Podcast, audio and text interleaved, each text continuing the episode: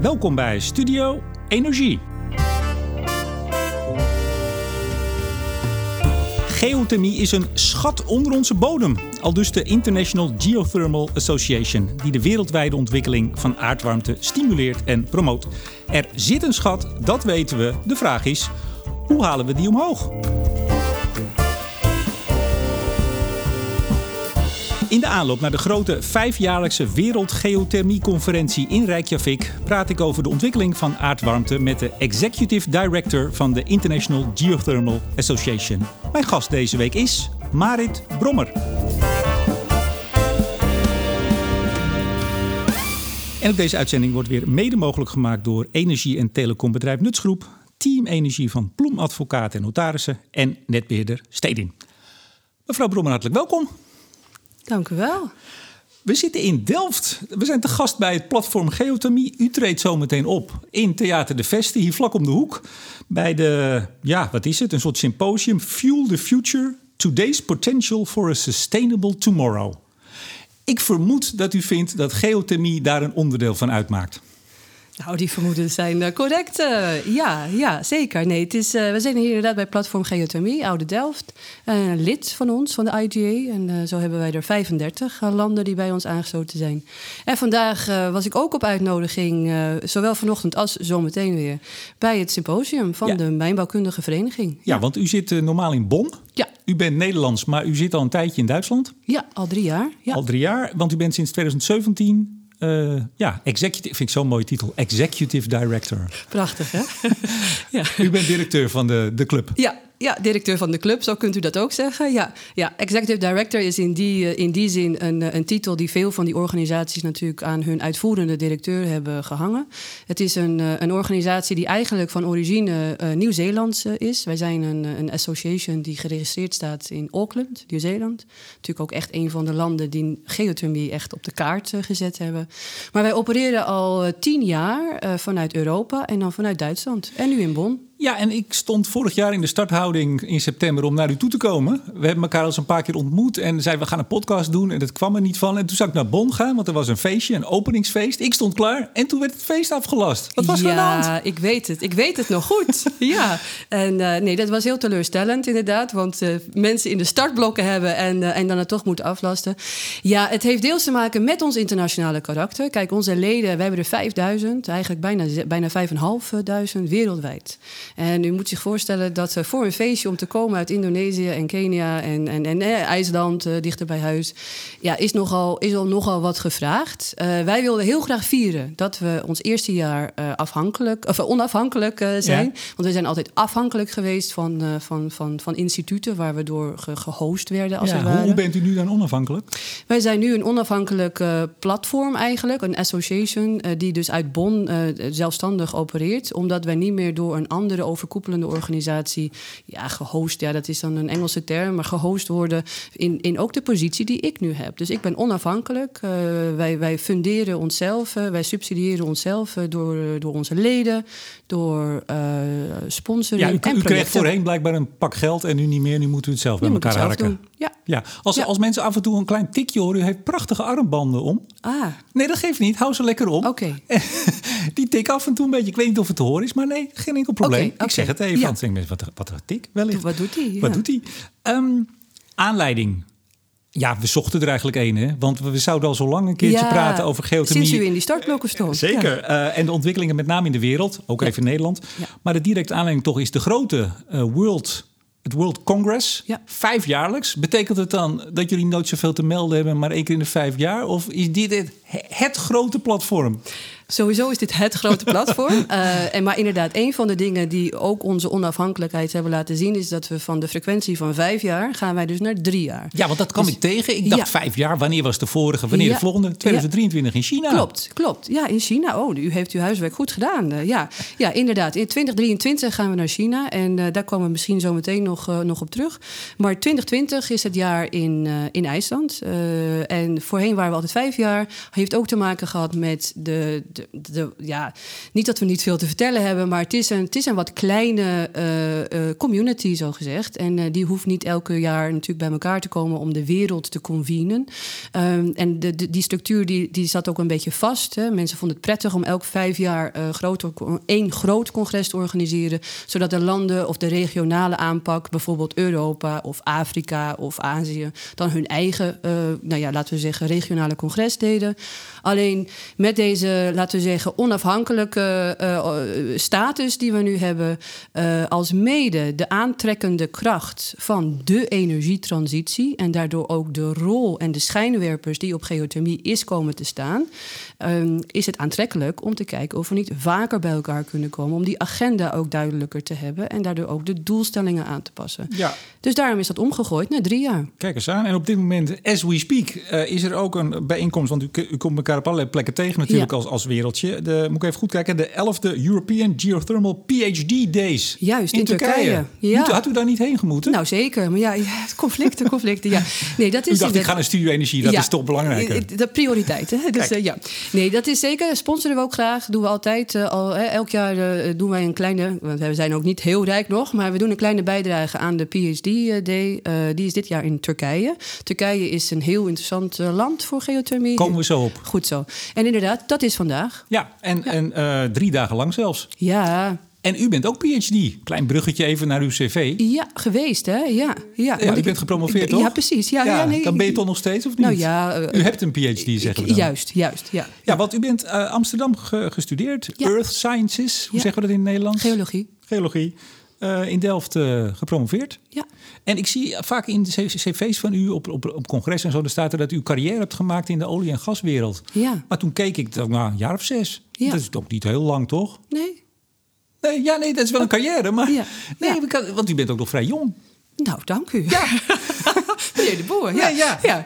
Nee, ja, zeker. Nou ja, carrière. Ik vind uh, een carrière is als je professionele invulling hebt gegeven aan... Uh, ja, nee, aan, dat aan, hebt u aan, zeker gedaan. Nee, maar vaak het beeld is van sowieso dat heel veel mensen uit de olie en gas uh, komen in de geothermiewereld. U hebt er een aantal jaar gezeten, maar hebt ook nog heel veel andere dingen gedaan, hè? Zeker. Nee, ik, ben, ik, ben, ik ben aardwetenschapper inderdaad van, van training in Amsterdam. Ik heb mijn promotie hier in Delft gedaan. Daarom is het ook zo leuk om weer terug te zijn in Delft.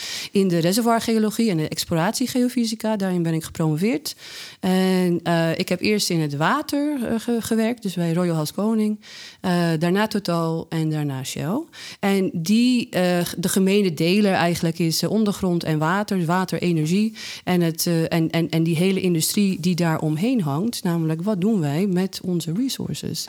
En dat heeft me altijd buitengewoon geïnteresseerd. Ja. ja. wij hebben weer heel veel nieuwe luisteraars erbij. Okay. Sinds begin dit jaar, of eigenlijk, eigenlijk voortdurend.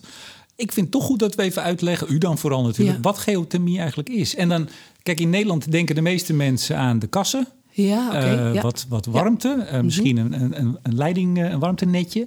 Ja. Maar laten we hem even breed aanvliegen. Geothermie, wereldwijd, waar hebben we het over? Nou, kijk, als je echt kijkt naar geothermie, waar het vandaan komt en waar de meeste uh, projecten ook daadwerkelijk zijn en geïnstalleerd zijn, dan hebben we het echt over het halen van stoom en heel warm water uit vulkanische ondergrond. En dat zijn nou echt de landen zoals Nieuw-Zeeland, waar wij dus natuurlijk ook onze roots uh, hebben, uh, IJsland. Maar je moet ook denken aan uh, Indonesië en de Filipijnen, aan delen van West-Amerika, waar de ondergrond buitengewoon favoriet, uh, favorabel is uh, om uh, op, laten we zeggen, wat wij hier zullen noemen vrij ondiep, maar tussen de 1 en 1,5 kilometer diepte liggen vaak fantastische vulkanische reservoirs, dus vulkanisch van origine, die buitengewoon warm zijn. En buitengewoon warm bedoel ik 180, 190 graden is echt standaard. en daar wordt stoom, hè, er zijn echt stoomvelden die, die, die ge geproduceerd worden en die drijven de turbines aan om daarmee elektriciteit te maken. Ja, want dat, dat is, is, dat is eigenlijk vooral in de rest van de wereld met name. Of is het, hoe, hoe is de verhouding tussen elektriciteit en warmte? Nou ja, kijk, als je echt kijkt naar onze, onze, onze installed capacity uh, wereldwijd, verdeeld over ongeveer 35 uh, landen, dan hebben wij 15 gigawatt hebben wij installed capacity. Nou, als je dat vergelijkt natuurlijk met wind en zon, dan, uh, hè, dan kun je zeggen van god, dat zijn dwergen. Zijn wij natuurlijk ook als je kijkt naar elektriciteit. Um, Ik kijk meteen even bij de cijfers waar we zo op komen. Ja, Ja, goed. het klopt. Het klopt. Nou, ja, oh, fijn. Heb... Oh, fijn, meneer de Boer. Ja. Nee, nee want ik heb hier gisteravond nog dik in zitten zoeken. Nee, ik kwam hier op 2018 was het 14. Dus het, het, zal nu ongeveer 15 zijn. Ja, nou 14,8 uh, om exact te zijn. Kijk, achter de komma. Delft, ja, ja. ja daarom. Hè, dat blijft toch de... Zeker. ja, um, maar elektriciteit is, uh, is, is echt, als je kijkt naar uh, waar we het meeste doen... en waar we het meeste actief zijn in de landen buiten Europa... en dan noem ik IJsland even niet als Europa... omdat IJsland hoort wel tot Europa, maar ook weer niet tot Europa. Uh, dan is elektriciteit echt de grote uh, ja, de speler.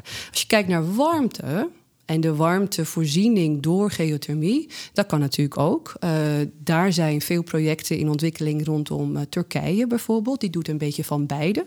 Die doet zowel elektriciteit als warmte.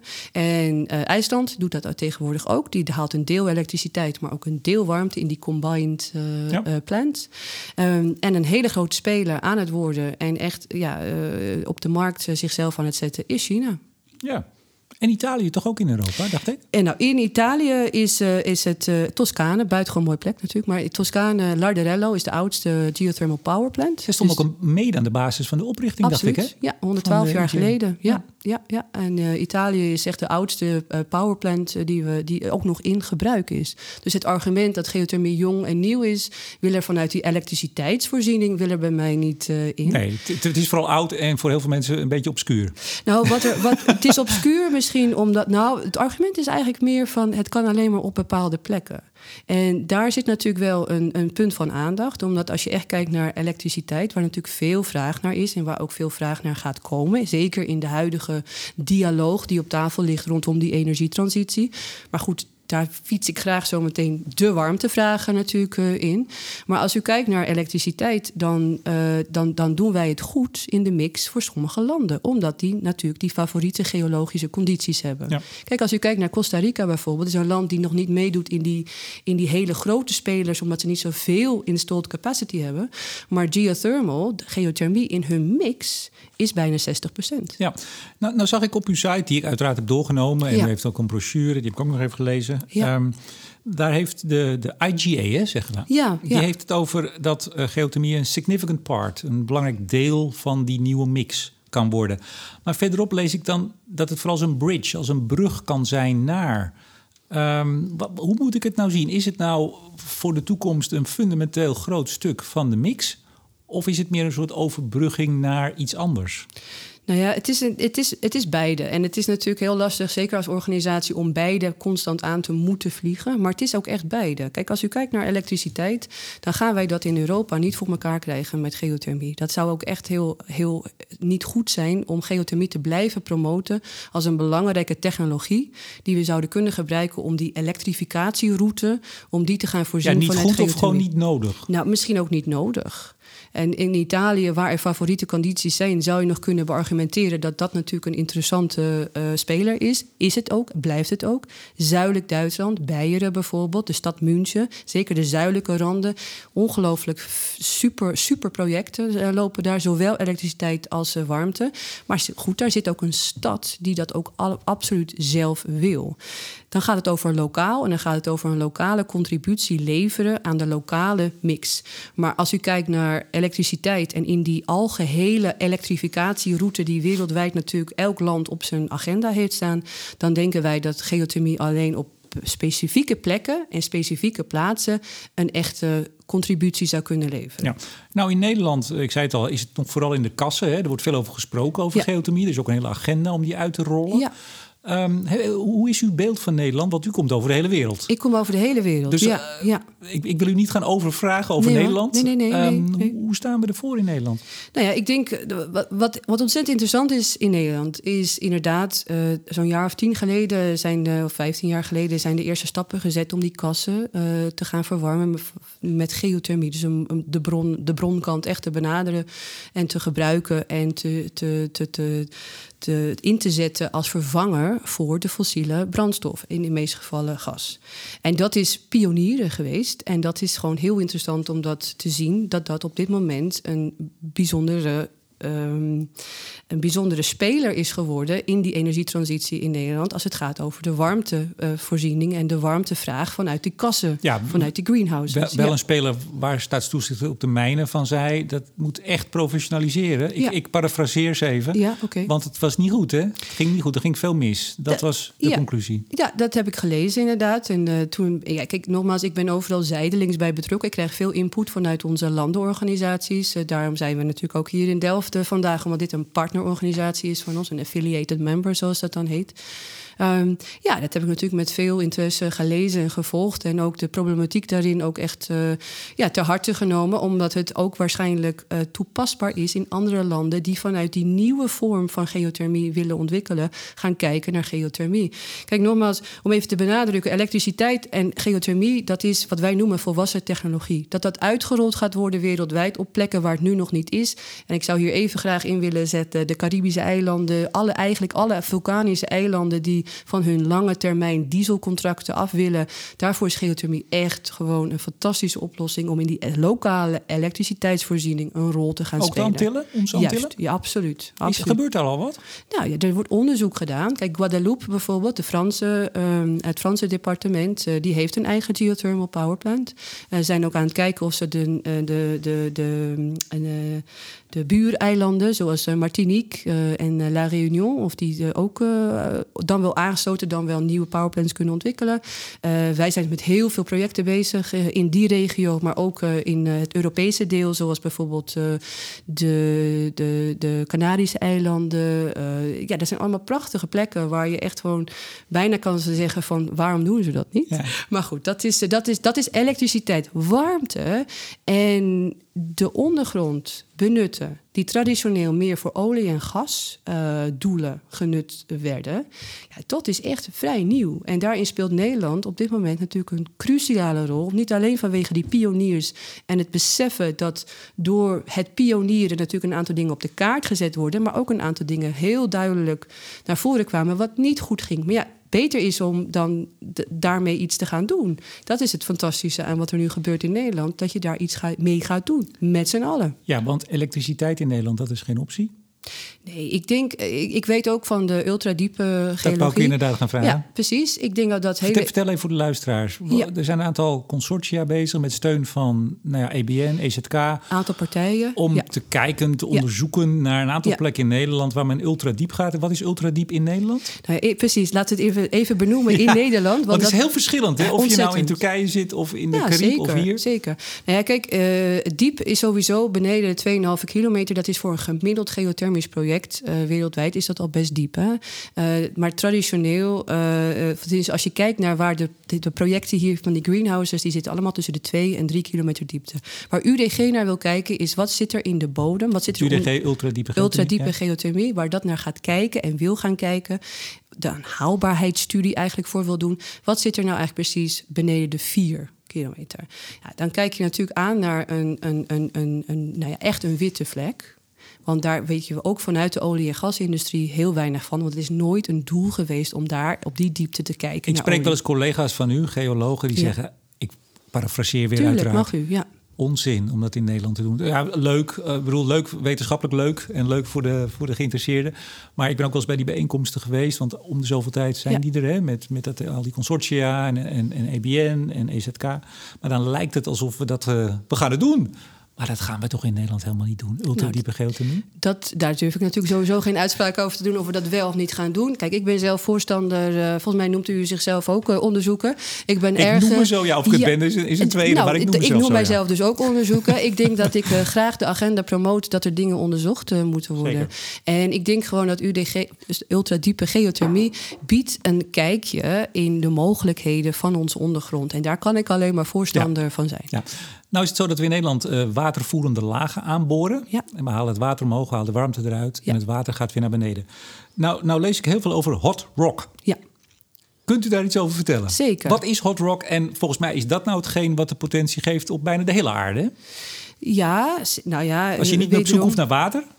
Nou ja, het is een andere technologie. Ja. En uh, dan hebben we het echt over een, eh, een, een laag. U, u, zegt dat heel mooi, een reservoir, een laag. Uh, vaak is dat het kristallijne gesteente, oftewel graniet bijvoorbeeld, voor, voor mensen die in Noorwegen wel eens geweest zijn. Dat zijn dus type gesteenten die daar aan het oppervlak uh, liggen. Ja, graniet heeft in principe geen, op die diepte althans, hè, want dit is diep. EGS ja. is bijna altijd diep. EGS, Enhanced Geothermal System. Systems. Ja, dus de type hot dry rock, die is uh, ontwikkeld voor uh, kristallijn gesteente, gesteente, graniet. Maar wat doe je dan? Hoe werkt dat? Dat werkt zo dat op die diepte, meestal, hè, wederom, dit is een gemiddelde, uh, ergens tussen de 3 en 4 kilometer diepte. Uh, in Frankrijk zit een heel mooi project, het uh, Soels-project in de Elzas. Als u nog niet geweest bent, zou ik zeker daar eens een kijkje gaan nemen. Ik ga er morgen nemen. meteen naartoe. Nou, de koffers staan klaar. Ja, de... ja. ja. En, um, uh, en daar is ongeveer op 3, 3,2 kilometer diepte is een heel kristallijn uh, reservoir uh, uit, uitgewerkt. En dat gaat als volgt. Die, op die diepte is er geen water, maar het is wel warm. En warm moet u denken tussen de 160 en 180 graden. Ook vanwege bepaalde druk in de bodem en vanwege bepaalde geologische geschiedenis waar ik u niet mee ga vervelen. Hou ons niet langer in spanning. Nee, Hoe halen we die warmte omhoog? Nou, we pompen daar koud water in. Ja. En, en, en het gesteente is als het ware een, een, een, een, reservoir die het water laat opwarmen. En dan halen we door een producer, een productieput, halen we het warme water omhoog. Maar heb je dan nog wel rendement? Want je moet natuurlijk je moet iets beneden doen. Je moet het een beetje is, is het fracken? Nee, het is niet fracken, noem je het geloof ik. Hè? Of? Nee, kijk, uh, we, we, we, raken hier natuurlijk tegen een jargon aan... wat, uh, wat in de olie- en gasindustrie natuurlijk uh, veel gebruikt wordt. Mm -hmm. en daar kunnen we natuurlijk ook een aantal gesprekken over maar hebben. Maar je moet iets doen, je moet iets doen nou, naar beneden moet, om het wat dat, doorlatend te absoluut, maken. Absoluut, want, die, want daarom heet het ook een enhanced geothermal system. het, is het, het, het gesteente is van zichzelf niet doorlatend. Wij zeggen dan, het is niet permeabel. Ja. En die permeabiliteit die moet je creëren. En of het nou door fracking technology is, zoals bijvoorbeeld het um, wa met water hè, uh, in, in, inspuiten, zodat, de, zodat het gaten op ja, gaan staan. Onder hoge druk. Onder hoge druk, precies. Um, en je kunt ook chemisch stimuleren. Uh, maar men moet iets doen met dat reservoir. In bepaalde gebieden werkt dat heel goed. Dus in Frankrijk werkt dat heel goed. Australië zijn een aantal projecten geweest. Uh, en nu in Cornwall, in, in, in, in, in de UK, mm -hmm. is het ook aan het gebeuren. En dat gaat hartstikke maar goed. Maar je houdt dus wel een positief rendement, neem ik aan. Anders ja, doe je zeker, het niet. anders doe je het niet. Kijk, we zijn, we zijn met z'n allen misschien hobbyisten vanuit die ondergrond... maar uiteindelijk gaat het om de business case, gaat het om de afnemer... en het gaat gewoon om wie koopt wat. Maar kun je dat in rendementen, hoe druk je dat uit? Want je moet er energie in stoppen om onder hoge druk water naar beneden te, te spuiten. Je moet dat steen eigenlijk een beetje breken en dan komt er wat omhoog. Hoe druk je uit de, de winstgevendheid in energieopzicht? Hè? Ja, nou ja, dat is heel lastig. Want dan ga ik even een, een, een, een, een ontwijkend antwoord geven. Omdat dat hangt echt af van het project en van de type, type lokaliteit waar we zitten. Kijk, uh, in Soelt uh, zit er een rendement van, dat is heel standaard voor de geothermie, om elektriciteit te maken tussen de 20 en 30 procent. Uh, dus dat vinden wij heel goed. En ik weet dat dat natuurlijk voor een type, voor, voor, voor een zon- en, en windpark zou dat echt ja, of voor kool, waar we Mhm. natuurlijk ook tegenaan co competitie hebben, zit je al gauw met een rendement van 50%, uh, soms 55%. Dus wij zitten echt met lage rendementen te werken. Alleen we hebben er heel veel van. Dus we, het is een soort, het, het is een soort uh, um, de economie zit hem in de hoeveelheid water, warm water, die we naar boven kunnen halen met een bepaalde temperatuur, met een bepaalde rate, dus met een bepaalde snelheid, waardoor de turbines uh, goed elektriciteit Ja. kunnen maken. En dat enhanced geothermal systems, die kun je ook op veel meer plekken in de wereld toepassen dan als je moet zoeken naar watervoerende lagen. Nou ja, dat is inderdaad de gedachte geweest achter het ontwikkelen van die technologie voor het kristallijne gesteente. Omdat dat komt eigenlijk uh, uh, ook op heel veel plekken natuurlijk mm -hmm. voor. Plus, uh, het is een techniek die wellicht in sommige projecten in, op het sedimentaire gesteente, dus dan hebben we het over zand en, en, en carbonaatgesteente, wat eventueel wel hydrothermaal is, waar wel water in zit, maar dat misschien nog steeds niet genoeg permeabiliteit heeft om dus die rate te halen, die snelheid snelheid te halen uh, at surface. Mhm. En het ontwijkende antwoord zit hem een beetje in Cornwall. Zijn ze op dit moment aan het meten. En daar hebben ze een rendement van uh, 35 procent. dat is de eerste flowtest laten dat zien. En dat is natuurlijk echt fantastisch. maar er zijn ook projecten zoals in, in Australië... waar het echt beneden de 15 procent aan het komen is. Ja, en dan ben je gewoon niet rendabel meer. En dan nee. gaat die business case nooit meer werken. Ja. U, u, noemde net Duitsland, waar fantastische projecten, ja. Zuid-Duitsland. Ja. Ik heb ook wel eens iets over Basel gehoord. Dat was ook een project ja. en dat ging niet helemaal goed. Nee, nee, zo zijn er ook veel, veel projecten waar het niet helemaal goed ja, gaat. Daar, ja, daar, daar was een, uh, ja, men noemt het dan een aardbeving. Er waren Ja. schokken. Ja. Uh, hoeveel op de schaal van Richter, weet u het uit het hoofd? Uh, ik dacht dat Basel 3,2 was. Zwaar, hè? Ja, dat is ontzettend Echt heel zwaar. Dat is ontzettend zwaar. dat is ja. een enorme klap geweest hè, voor de Ja. geothermie-wereld. Zeker, zeker, Heb zeker. je daar nog, last, nog steeds last van? Nou, kijk, wij hebben altijd last als er, als, er, als, er, als er dit soort incidenten gebeuren. Omdat uiteindelijk reflecteert dat op de industrie als geheel. Dus last is één ding, maar mm, erover praten en erover nadenken en er de juiste lessen uit leren is natuurlijk een, een, een, mogelijkheid die we graag aangrijpen. Wat ik heel interessant vind om te zien is in Zwitserland, uh, die inderdaad als land een behoorlijke klap kreeg, letterlijk en figuurlijk, door uh, de seismic incident in Basel, zie je dat die um, pak een beetje acht jaar, negen jaar later echt florerend is.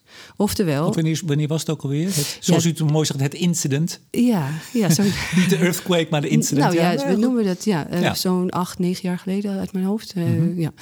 Maar nu, als je kijkt, en natuurlijk, Zwitserland heeft ook weer prioriteiten neergelegd. Het is vanuit, uh, Zwitserland heeft weer een andere, laten we zeggen, politieke agenda natuurlijk. Uh, soms wel, soms niet. Op, op, op, op green energy per kanton gaat dat dan. Uh, mm -hmm. Het is ook allemaal een beetje ingewikkeld. Maar dit was de, Pardon, maar, dit was nou zo'n vol... Nee, gaat u doen. Ja, nou, wat ik wilde zeggen is dat... Dus, laten, we het, laten we tien jaar noemen. Dat in een decade kan de mindset, kan, het, uh, kan de investering... en kan dus ook de ontwikkeling van geothermie weer plaatsvinden.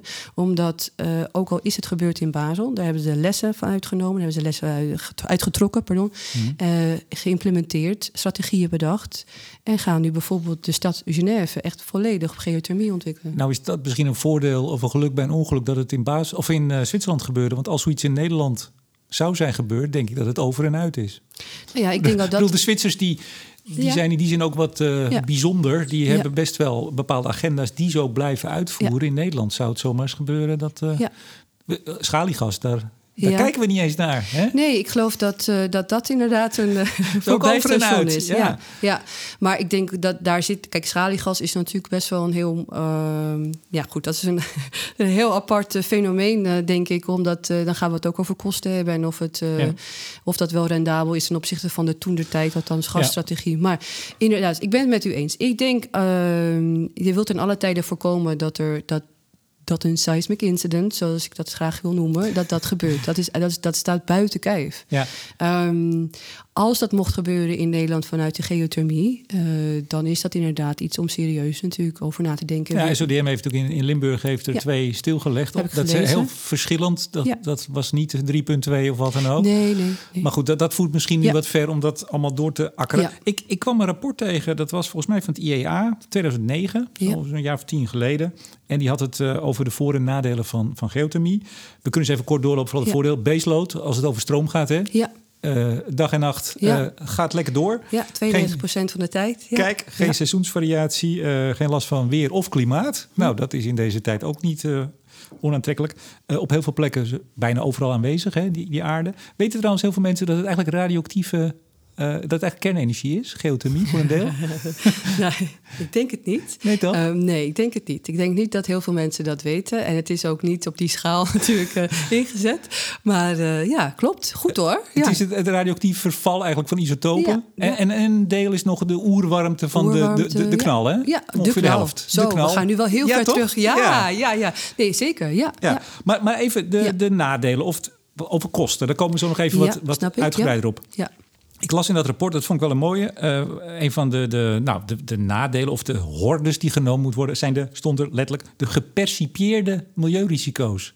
Oh, wauw. Oké, okay. ja, ja. Dus oftewel, da, ja. daar lees ik dan in, nou, die zijn er eigenlijk niet, maar men denkt dat er milieurisico's zijn. Ja. Nou, ik heb u nu hier. Zijn er milieurisico's aan geothermie? Um, Behalve de seismic incidents, ik weet niet hoe we dat noemen. dus die, die, die, die natuurlijk ook ja, een significant milieurisico zouden kunnen opleveren. hè? Zeker. Ja. ja. Ehm, nou ja, kijk, eh, het, is, ehm, het, is een, het, het, is een technologie die op, eh, op, weder- wederom op verschillende manieren natuurlijk in te passen is in die, in die groene revolutie en evolutie die er nu natuurlijk mee plaatsvindt.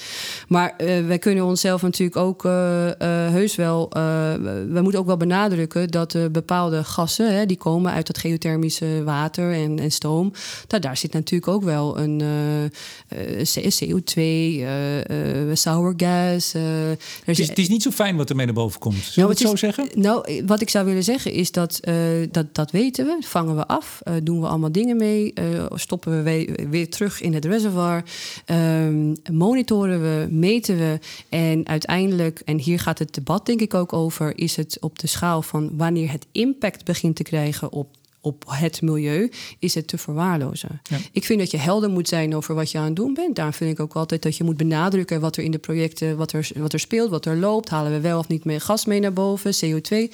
Het is, het is ook niet, eh, het verhaal van geothermie is niet dat wij volkomen CO2-neutraal zijn. Wij halen altijd wel wat CO2 mee omhoog. Als je gas eh, in je, in je reservoir hebt, meer. Maar als je stoom, eh, wat in West-Amerika bijvoorbeeld, de stoomvelden, die brengen ook CO2 mee. Maar daar kan je wat mee. En er komt wat radioactiviteit mee, toch? Ja, maar dat zit vooral in die brines. En, eh, dus dat is meer vanuit de warmtevoorziening. Dus in die laagtemperaturen, daar zit, daar zit, daar zit inderdaad eh, met die bepaalde type gesteente, dan hebben we het echt over zandgesteente, dan komt er wel eh, radioactieve elementen mee. En die zijn op dit moment, die worden allemaal gemeten. Dat is ook verplicht, ook in Duitsland bijvoorbeeld. Het wordt allemaal gemeten, wordt allemaal nou ja, gemonitord. Zoals Ja. we dat, er zijn protocollen voor. En, Weet iedereen wat die bri- brimes zijn? brines, ja. Brines, wat Ja. weet iedereen wat dat is? Zoutwater, ja. Ja. Want ik las ook, dat vond ik wel interessant. Wist ik, dat wist ik echt niet. Ik weet, ik weet heel veel niet natuurlijk. Maar dat, dat je daar lithium Goed, uit hè? kan winnen. Ja. Nou ja, we zijn ook bezig inderdaad om geothermie als resource, dus echt als grondstof, in die energietransitie in te zetten. Dat is echt het verhaal wat we op dit moment aan het vertellen Maar even, zijn. even heel simpel. Ja. We, we zijn als een dolle op zoek naar lithium. Ja, zijn Eh, dat halen ja. we op hele nare plekken door kinderen vaak omhoog. Nou, nou dat, dat wil ik even nuanceren. Ja, nee, u niet, u niet, Nee, maar nee, we- nee, we nee, kennen nee, de maar, nee, nee, maar dat is kobalt waar we het nu over oh ja, hebben. pardon. Ja, ja, Lithium niet? Nee, nee. Dat is helemaal Nee, eh, nou ja, legitimate. Nou ja, kijk, daar kunnen we natuurlijk wel over praten. Of het legitimate is en wat de mining, eh, de mining eh, practices zijn. Alleen wat je ziet is dat lithium zit maar op bepaalde plekken mijnbaar als grondstof op de wereld. En dat is Zuid-Amerika. Dus Chili is bijvoorbeeld een, een hele sterk strategisch. eh, heeft zich goed ingezet in die, in die clean energy revolution. West-Amerika, Nevada, waar Tesla natuurlijk groot geworden is.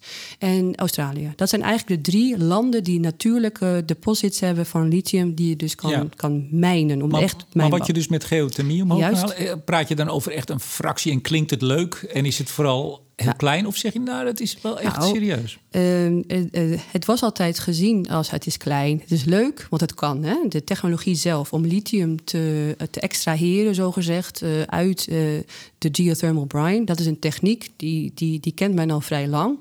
Maar inderdaad, de inschatting dat dat op commercieel dat het quantities zou kunnen opleveren die commercieel aantrekkelijk zijn, eh, werd altijd een beetje weggezet als, nou ja, dat is niet haalbaar.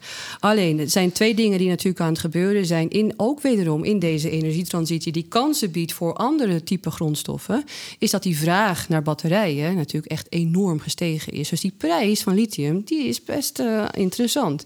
Dus als jij een strategische positie wil innemen in die schone energie, eh, evolutie, revolutie, waar we ook, hè, kunnen we ook nog over Mhm, ja. hebben.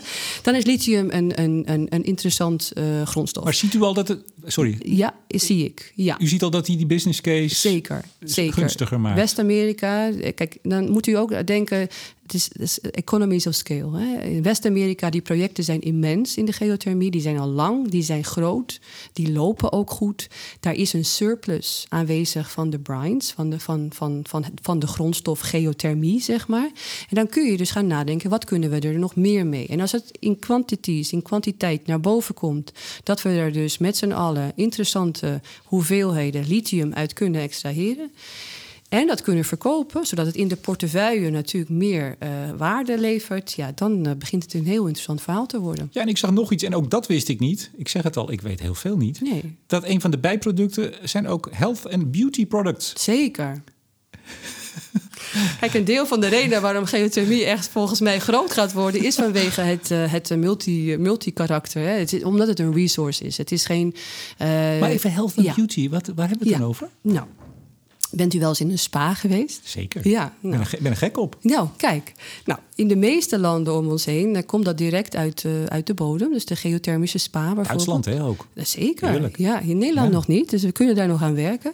Maar uh, nee, Duitsland. Maar Hongarije bijvoorbeeld heeft een hele ba baatcultuur rondom, uh, rondom spa's. En, en ja, de, de, de start-up mentality, hè, de, de, de, de, de ondernemersgeest van deze tijd... laat dus ook zien dat je met die producten nou ja, behoorlijk wat geld kan verdienen. Want het is natuurlijk, het is lokaal geproduceerd. Ja, maar ik bedoel eigenlijk, je gaat er gewoon in liggen en dan word je nou, mooi dat van, is één, zeg maar. Dat, dat, dat, dat, gaat sowieso op. Ja, dus daar kun je in gaan liggen, word je mooi van. Ik maar moet je er dus toch iets vaker in gaan liggen. Ik, nou, denk dat ik. weet ik niet. Dat, jawel, jawel, jawel. Daar durf ik geen niet, uitspraak u niet, u bij. niet. Maar de, de producten eh, die eruit gehaald kunnen worden vanuit die natuurlijke elementen die in, wederom in de brines, in het, in het water zitten, ja, daar worden hele mooie producten van gemaakt. eh, Van zeepen tot aan, tot aan mooie crèmes. Uh, maar ja ik, kan, ja, ik weet dat het een cliché voorbeeld is, maar kijk naar de Blue Lagoon in, uh, in IJsland. Uh, de waarde van geothermie is één ding. Hè. De primaire bron om elektriciteit en warmte te leveren aan de stad Reykjavik is één aspect. Maar de, de multimiljoenen deals die gemaakt worden door de Blue Lagoon om daar te baden. Ja. En de producten die verkocht worden Ja, vanuit. toeristische attractie, et cetera. Is echt immens. Ja. Ja. We, we zaten eigenlijk op die gepercipieerde milieurisico's. En nu Ja. zitten we al... Ja, nee, dat is mijn eigen schuld, in hoor. Een, in een spa. Ja. Ehm, hoge kapitaalkosten, dat Ja. is altijd een bekende. Ja, kijk, ik denk. eh, Maar, maar hebben, eh, ja. schetst u eens voor de luisteraar die denkt... kom, ik ga eens ergens een leuke geothermiebron beginnen... waar ook ter wereld. Ja. Wat voor bedragen hebben we? Vergelijk eens met, met andere projecten. Nou, kijk, een, eh, een gemiddeld, eh, als ik even vanuit Nederland kan, eh, kan beginnen, en dan, omdat dat zijn de projecten waar, waar, waar de financiering natuurlijk ook echt, nou ja, daar wil ik graag iets over zeggen. Dan, dan kijk je al gauw naar een investering van 20 tot 30 miljoen aan voor een double. Dus dat zijn twee putten die geboord moeten worden, want je hebt niks aan één put. En natuurlijk zijn er nieuwe ideeën op de markt om te kijken of het anders kan. Maar dat even de standaard eh, is om te kijken naar twee putten. Een injector, iemand, eh, de, de, de Mhm, put die ja. het water naar binnen brengt... en de producer waardoor je produceert. Twee putten, 20, 30 miljoen, afhankelijk van geologie, wat je aantreft, noem maar op. Je verliest nog eens een boorkop onderweg. Ja, of je hebt er heel veel nodig... omdat de ondergrond toch eh, stijver is dan je had eh, verwacht en noem maar op. Ik begrijp 40 tot 70 procent van je totale kosten zijn het boren.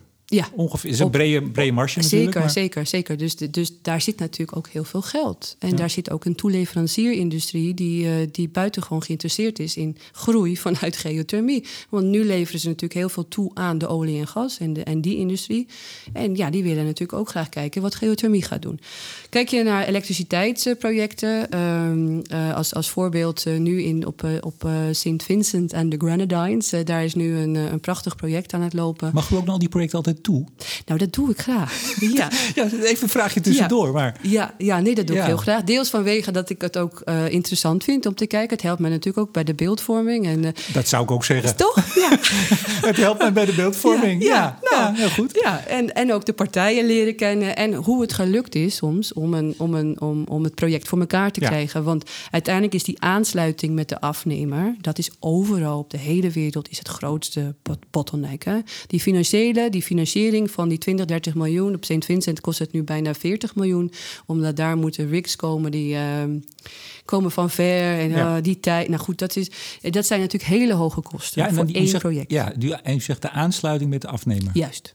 En Ja. daar hebben we het ook over stroom, elektriciteit. Zeker. Kijk, Ja. de stroom op- in de meeste gevallen in de wereld. eh, en dat maakt echt niet uit waar je, waar je, waar je zit en, en hoe je dat doet. Maar dan heb je een PPA nodig, een Power Purchase Agreement. Ja. En in Maar als je die eenmaal hebt, dan, dan is het toch eh, gaan? Ja, maar het gaat, het gaat erom dat je die moet hebben. Ja. En die onderhandeling, en dat is vaak met overheden. En dat is vaak met eh, verschillende partijen en verschillende stakeholders. Die kan eh, vrij lang duren. Ja, en dan zegt er iemand, we leggen wel wat zonnepanelen neer. Juist, juist. En dat doen we morgen. Ja. Ja. Ja, en dan staan wij met onze handen in het haar. Nee, dat is niet helemaal zo, omdat we kunnen natuurlijk wel een uh, bepaalde baseload uh, bieden. Dat is ook altijd het argument wel, waardoor de, de meeste overheden toch uiteindelijk wel interesse uh, hebben.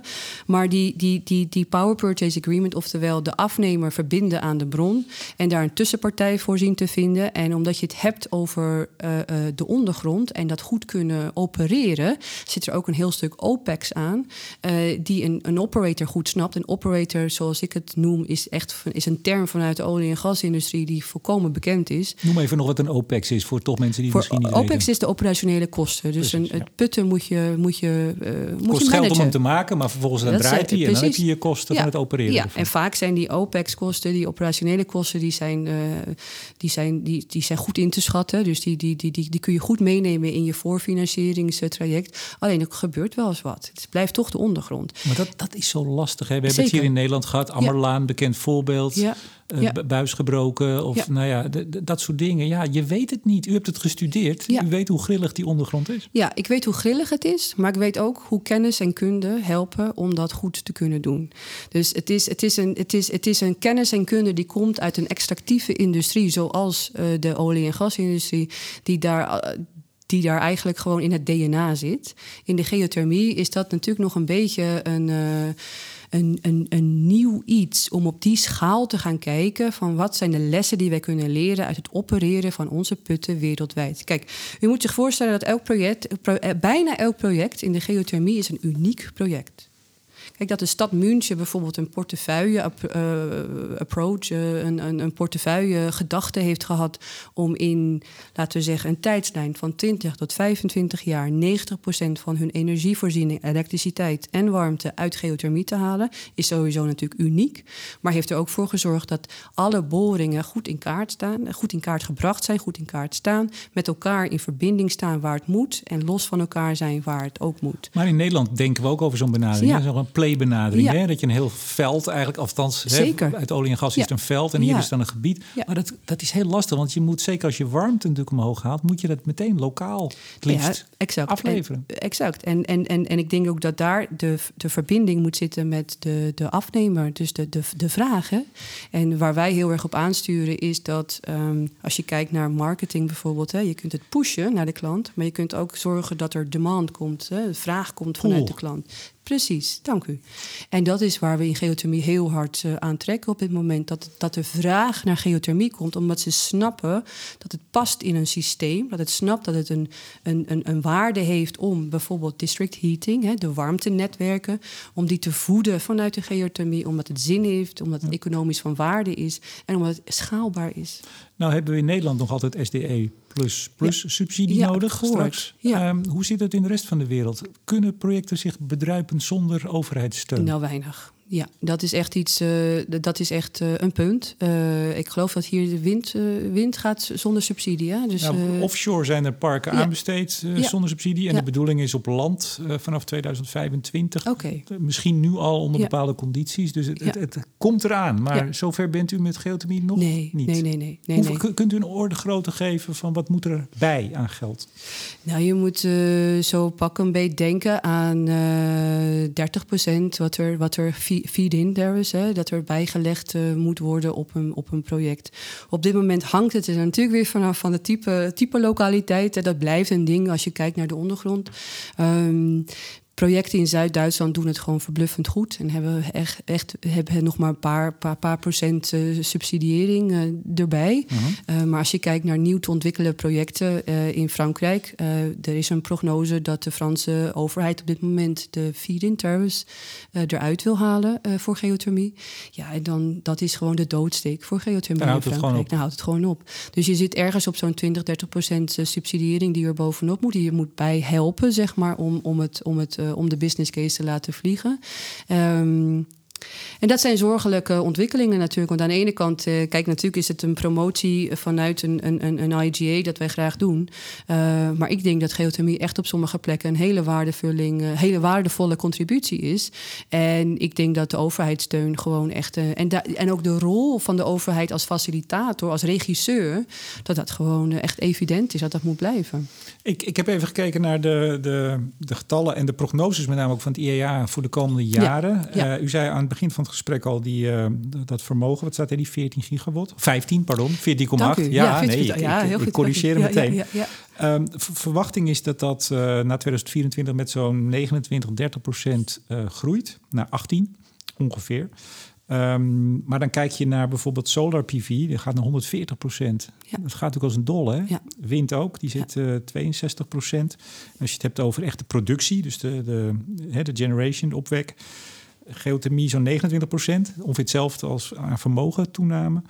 Uh, solar PV 153 procent, wind 68 procent. En je zag ook de verwachtingen in de renewable. Ik heb, haal dit uit de 2019 renewable Ja. rapport van Ja. IAA. Ja.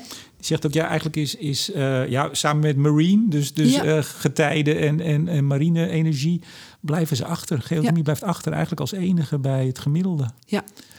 Maakt u dat droevig? Of zet u Nou. dat aan om nog meer te gaan doen? Ik denk dat laatste sowieso. Hè. Dat, zet Dat zou ik altijd, ook zeggen. Ja, daarom. en droevig, dat, eh, nee. nee, maar kijk, het geeft gewoon aan dat we ons eh, werk nog beter moeten doen. In de zin van, eh, waar zet je... Dit is een, dit is een, dit is een wereldoverview waar u nu aan refereert. Ja, zeker. En ik ben het eens met de strategie die we zelf natuurlijk ook met onze, met onze members doen. Leden. leden, dank u. Dus ja, u zit vaak in... buiten- Ja. U spreekt niet zo vaak Nederlands nou, meer, hè? wel, thuis, maar niet over geothermie. Dus, eh, Oké. ja, ja. Ehm, maar... ehm, U vroeg ook, doen we het in het Nederlands of in het Engels, hè? Nee, maar u moet even schakelen ja, weer, zeker. Soms ik. moet je echt zoeken naar de woorden. Maar de, de leden die eh, elektriciteit als primaire behoefte hebben vanuit de geothermie... ehm, ja, daar herken ik dat we gewoon... We gaan niet hard genoeg. Dat is, dat is heel spijtig, maar dat, is, dat herken ik.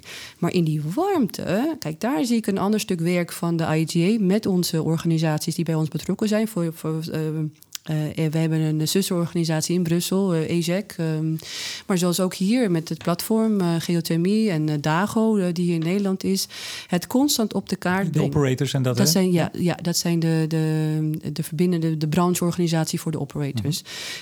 De, de focus in Nederland en Europa vanuit geothermie moet niet op elektriciteit liggen, maar op de warmte. Dus die warmtetransitie, de warmewende, zoals de Duitsers eh, zeggen, en de heat transition, zoals, eh, zoals het in Brussel natuurlijk op de kaart begint te staan, daar, daar, daar passen wij in. En dan kun je, als je het allemaal, als je alle plannen van de landen, van de member states in Europa, maar ook als je kijkt naar wat wereldwijd zou kunnen bijkomen, waaronder dus ook in China, als het gaat over die warmte behoefte en de invulling daarvan vanuit de geothermie, dan heb je het over een groeipercentage van, uh, van, van 1000 procent. Maar, maar zegt u nu eigenlijk, uh, voor elektriciteit is het op een aantal plekken, bijvoorbeeld in de Caribbean, onder speciale omstandigheden nog steeds slim om te doen? Absoluut. Maar voor het grote werk legt het het af tegen zon en wind? Hoor ik u dat nou zeggen? Of? Nou, dat is, uh, da, da, dan zoekt u de randen op van, van, van, van mijn bewering. Maar, maar het is wel zo dat het afleggen, de argumentatie, de strategie, de positionering van geothermie blijft gewoon heel erg belangrijk ten opzichte van de andere technologieën die elektriciteit leveren. Ja, want is. En, en dus gaat het in die strategische keuze die je maakt op landen die een hele favorabele geologische conditie hebben, blijft het een, een, een, een verbinding zoeken tussen de ondergrond en de afnemerskant. En dan komen wij er gewoon ontzettend goed uit, omdat wij ja. eigenlijk heel goedkoop zijn in die landen. Wij kunnen echt goed elektriciteit leveren. Hè, cheaper dan, uh, dan fossil fuels. En ja. zeker cheaper dan, uh, dan offshore wind. Ja, nog, nog even, dit is misschien voor de luisteraars die denken... hoe groot is het nou ten opzichte van de rest? En dan gaan we even naar 224, dat is de prognose. Ja, ja. Uh, even, beste luisteraar, geothermal zit dan op 18 gigawatt ongeveer. Als het goed is zit solar PV dan op bijna 1200 gigawatt. En wind totaal zit dan op 900, iets meer dan 900 uh, dat is een beetje de verhouding. En als we Ja. het over productie hebben, dan 116 terawattuur geothermal in 2024, 116. Ja, solar PV 1480. Dus, uh, en wind uh, 2135. Ja. Dus, dus dat zijn enorme verschillen, 116 en 2100. Ja, maar zoals, zoals ik nu met u ook aan, uh, aan het praten ben... en het afzetten van geothermie ten opzichte van de andere technologieën... dan hebben we het echt over de lijn-elektrificatie. Ja. Dat is de lijn... Nee, warmte wordt het grote ding. Maar warmte wordt het grote ding. En als we die getallen eens even noemen... Uh, ik weet niet of u die bij u heeft. Nee, die, maar, die... nee, maar dat is dus ook precies het punt. Dat is hartstikke lastig om dat ineens met elkaar te gaan vergelijken. Ja. En natuurlijk, kunt, hè, de, de- u, in uw introductie noemde u eh, goud hè, onder de grond of de schat, onder de grond. Ja, dat zijn uw woorden hoor, als, eh, als IGA. Ja, ja. Nee, maar dat was heel goed dat u dat zo in de introductie zei. Eh, er zit een schat onder de grond. De potentie is best wel bekend, maar de, de afnemer nog niet, hè, die aansluiting. Maar als je in potentie kijkt naar waar wij een bijdrage kunnen leveren aan die warmtetransitie en die warmtevraag, dan zijn wij ineens een hele grote speler aan het worden. En dan heb je het echt over, over, over een, een mix van, van technologieën. Waar eigenlijk alleen waterstof op dit moment tegenover staat. Ja, het leek of ik, of ik eh, geothermie een beetje aan het afkatten was. Dat is niet de bedoeling. Nee, begrijp maar het ik. was even Nee, orde grootte verhouding Absoluut. tot. En dit is elektriciteit Absoluut. inderdaad. Ja. En het wordt warmte. Eh, ja, Ja. exact. exact. U gaat zo eh, het podium op in Delft. Althans in de, de, de Vesten, theater Ja. hier. Eh, wat, wat gaat u zeggen? Wat, wat, eh, wat- nou, vanochtend heb ik gezegd. Vanochtend had ik een, eh, was ik uitgenodigd om een presentatie te geven. En de. Voor dezelfde club? Ja. Oh, sorry, dat is- ik niet door. Nee, nee, het is de hele dag. Oké. Oh, je bent er even uitge- Ik ben er even uitgestapt. Ja, nou, ja, ja, dat stellen de luisteraars zeer op prijs. Nou, en ik ook. Ja, nou fijn. Ehm, nee, vanochtend had ik presentatie, vanmiddag is de panel. Eh vanochtend presentatie, ja, drie belangrijke boodschappen om, eh, om, om, om geothermie echt op de kaart te zetten. Eén is eh, beyond electricity. Hè. We gaan verder dan elektriciteit. Nou, daar hadden we het net over. Het gaat om de warmte. Ja. Het gaat om de warmte en dat is waar geothermie... één, ja, beyond bron- electricity. Precies. De tweede is the islands. Oftewel de eilanden. De, de strategie om eh, geothermie goed te positioneren in die eiland future mix van de eilanden. Dus zeker eilanden die favori- eh, favoriete eh, condities hebben, is dat echt een, een, een fantastisch initiatief en ook een thema wat hoog op de agenda staat. Ja. En ten derde is, ehm, en dit is meer, laten we zeggen, lang, lang, langdurig. Ehm, we moeten naar een. eh, kijk, uiteindelijk die energietransitie gaat over de economie. Hè? We gaan die economie gaan we omvormen. En daar past het beeld dat ik heb van geothermie en eigenlijk ook van alle andere technologieën die een rol gaan spelen in het huishouden, in de wijk, in de buurt, in de stad, in het, in het land, eh, vanuit eh, decentralized, distributed energy. Dus dan ga je meer nadenken over het verdienmodel, eh, prosumers. Hè. In plaats van een eh, consumer worden we allemaal prosumers. Daar gaat geothermie ook een rol in spelen. Want er zijn projecten in Duitsland. ehm, meer coöperaties, eh, samen zorgen voor energie in de wijk, in de stad, in het dorp. samen putten boren, samen een operator zoeken die dat gaat doen daar gaat dat verdienmodel, dat businessmodel af van dat grootschalige, high risk, eh, hoge risico's vanaf het begin, ehm, naar wat kleiner, kleinschaliger en een rol spelen in die lokale energievoorziening. Kijk, wij zijn geen commodity. We gaan niet gehandeld worden op de beurs. Gaat allemaal niet gebeuren met geothermie. Maar dat je een rol speelt, lokaal, local to local, dat is echt evident voor mij dat dat uh, het derde thema is waar we op gaan inzetten. Ik vermoed dat het daar eind april in Reykjavik ook over gaat. Zeker, ja. Nou, daar komt natuurlijk ook nog de hele elektriciteitswereld uh, samen. Uh, nou, dat is en... een beetje de oude wereld. Nou, ik zou dat niet zo durven zeggen. nee, dat ja, dacht ik ook. Ja, ja. Maar, zijn, zijn maar, er nog stoelen vrij, trouwens? Als er iemand dit gehoord heeft en denkt... nou, ik wil wel... Het is bijna een kleine week, hè? Ik Ja. wil een week naar IJsland. Uh, is, Ja. is er nog plek? Zeker, zeker, zeker. Het is wel krap aan het worden, maar het is, nee, het is echt bijna... Ja, dat moet je natuurlijk altijd zeggen, maar het is Uiteraard. bijna uitverkocht. Ja. Ja, nee, het, is echt, uh, het loopt echt storm en, uh, en, en er is ontzettend veel interesse. En ook omdat, kijk, de IJslanders, die zijn natuurlijk uh, een fantastische host. Niet alleen hebben ze veel te laten zien, dus je kunt echt gaan kijken hoe dingen werken. Maar ook, ja, zij zijn echt in de volgende curve, hè, in de volgende fase van wat je kunt doen met geothermie. Alle start-ups, alle additional value die er gecreëerd wordt vanuit die geothermie. Het denken over um, dat geothermie een grondstof is en dat je er meerdere dingen mee kan doen. Ja, dat is echt IJsland uh, op dit moment echt, uh, echt aan het doen en in de kaart, op de kaart aan het zetten. En veel landen zijn geïnteresseerd. Kijk, we hebben nog niet eens gehad over Oost-Afrika en Kenia. Uh, maar daar is echt, dat is, is ook een heel mooi systeem, geologisch systeem, die heel, heel, heel goed is, heel, heel, heel makkelijk bereikbaar, waar goede resources uh, liggen. En je ziet ook dat Kenia is echt aan het leiden in die, in, die, in, in die positionering van geothermie. En gaat nu ook de spa's bouwen, gaat nu ook kijken of we hydrogen kunnen produceren vanuit de clean electricity. Ja. Als er zoveel is, misschien met een laag rendement, want dat hoor, hoor, hoor ik natuurlijk ook veel. Maar als je er zoveel van hebt, dan kun je er meerdere dingen mee. Ik zag ook eh, dat een van de lastige hobbels is uh, te weinig bekendheid van geothermie. Volgens mij hebben we met dit gesprek, hebt u met dit gesprek weer bijgedragen aan Ja. meer bekendheid voor geothermal. Ja, Nou, dat hoop ik. En dat is ook natuurlijk uiteindelijk een. een, een je, je, moet een platform zoeken en je moet een platform krijgen. Uh, maar het is inderdaad echt nog zo dat uh, vanwege die cijfers, dat we natuurlijk heel klein zijn, uh, ja, word je gauw over, overzien. En ja. dat, dat, moet veranderen. Zeker. Nou, de volgende keer kom ik naar Bonn. Ja, ja. ja op een feestje. op een feestje. Marit Brommer, Executive Director van de International Geothermal Association. Hartelijk dank voor dit gesprek. Ik bedank ook deze week weer energie- en telecombedrijf Nutsgroep, Team Energie van Ploem Advocaten en Notarissen en netbeheerder Stedim voor het mede mogelijk maken van deze uitzending. En uiteraard bedank ik jou, beste luisteraar, voor het luisteren. Mijn naam is Remco de Boer. Graag tot volgende week.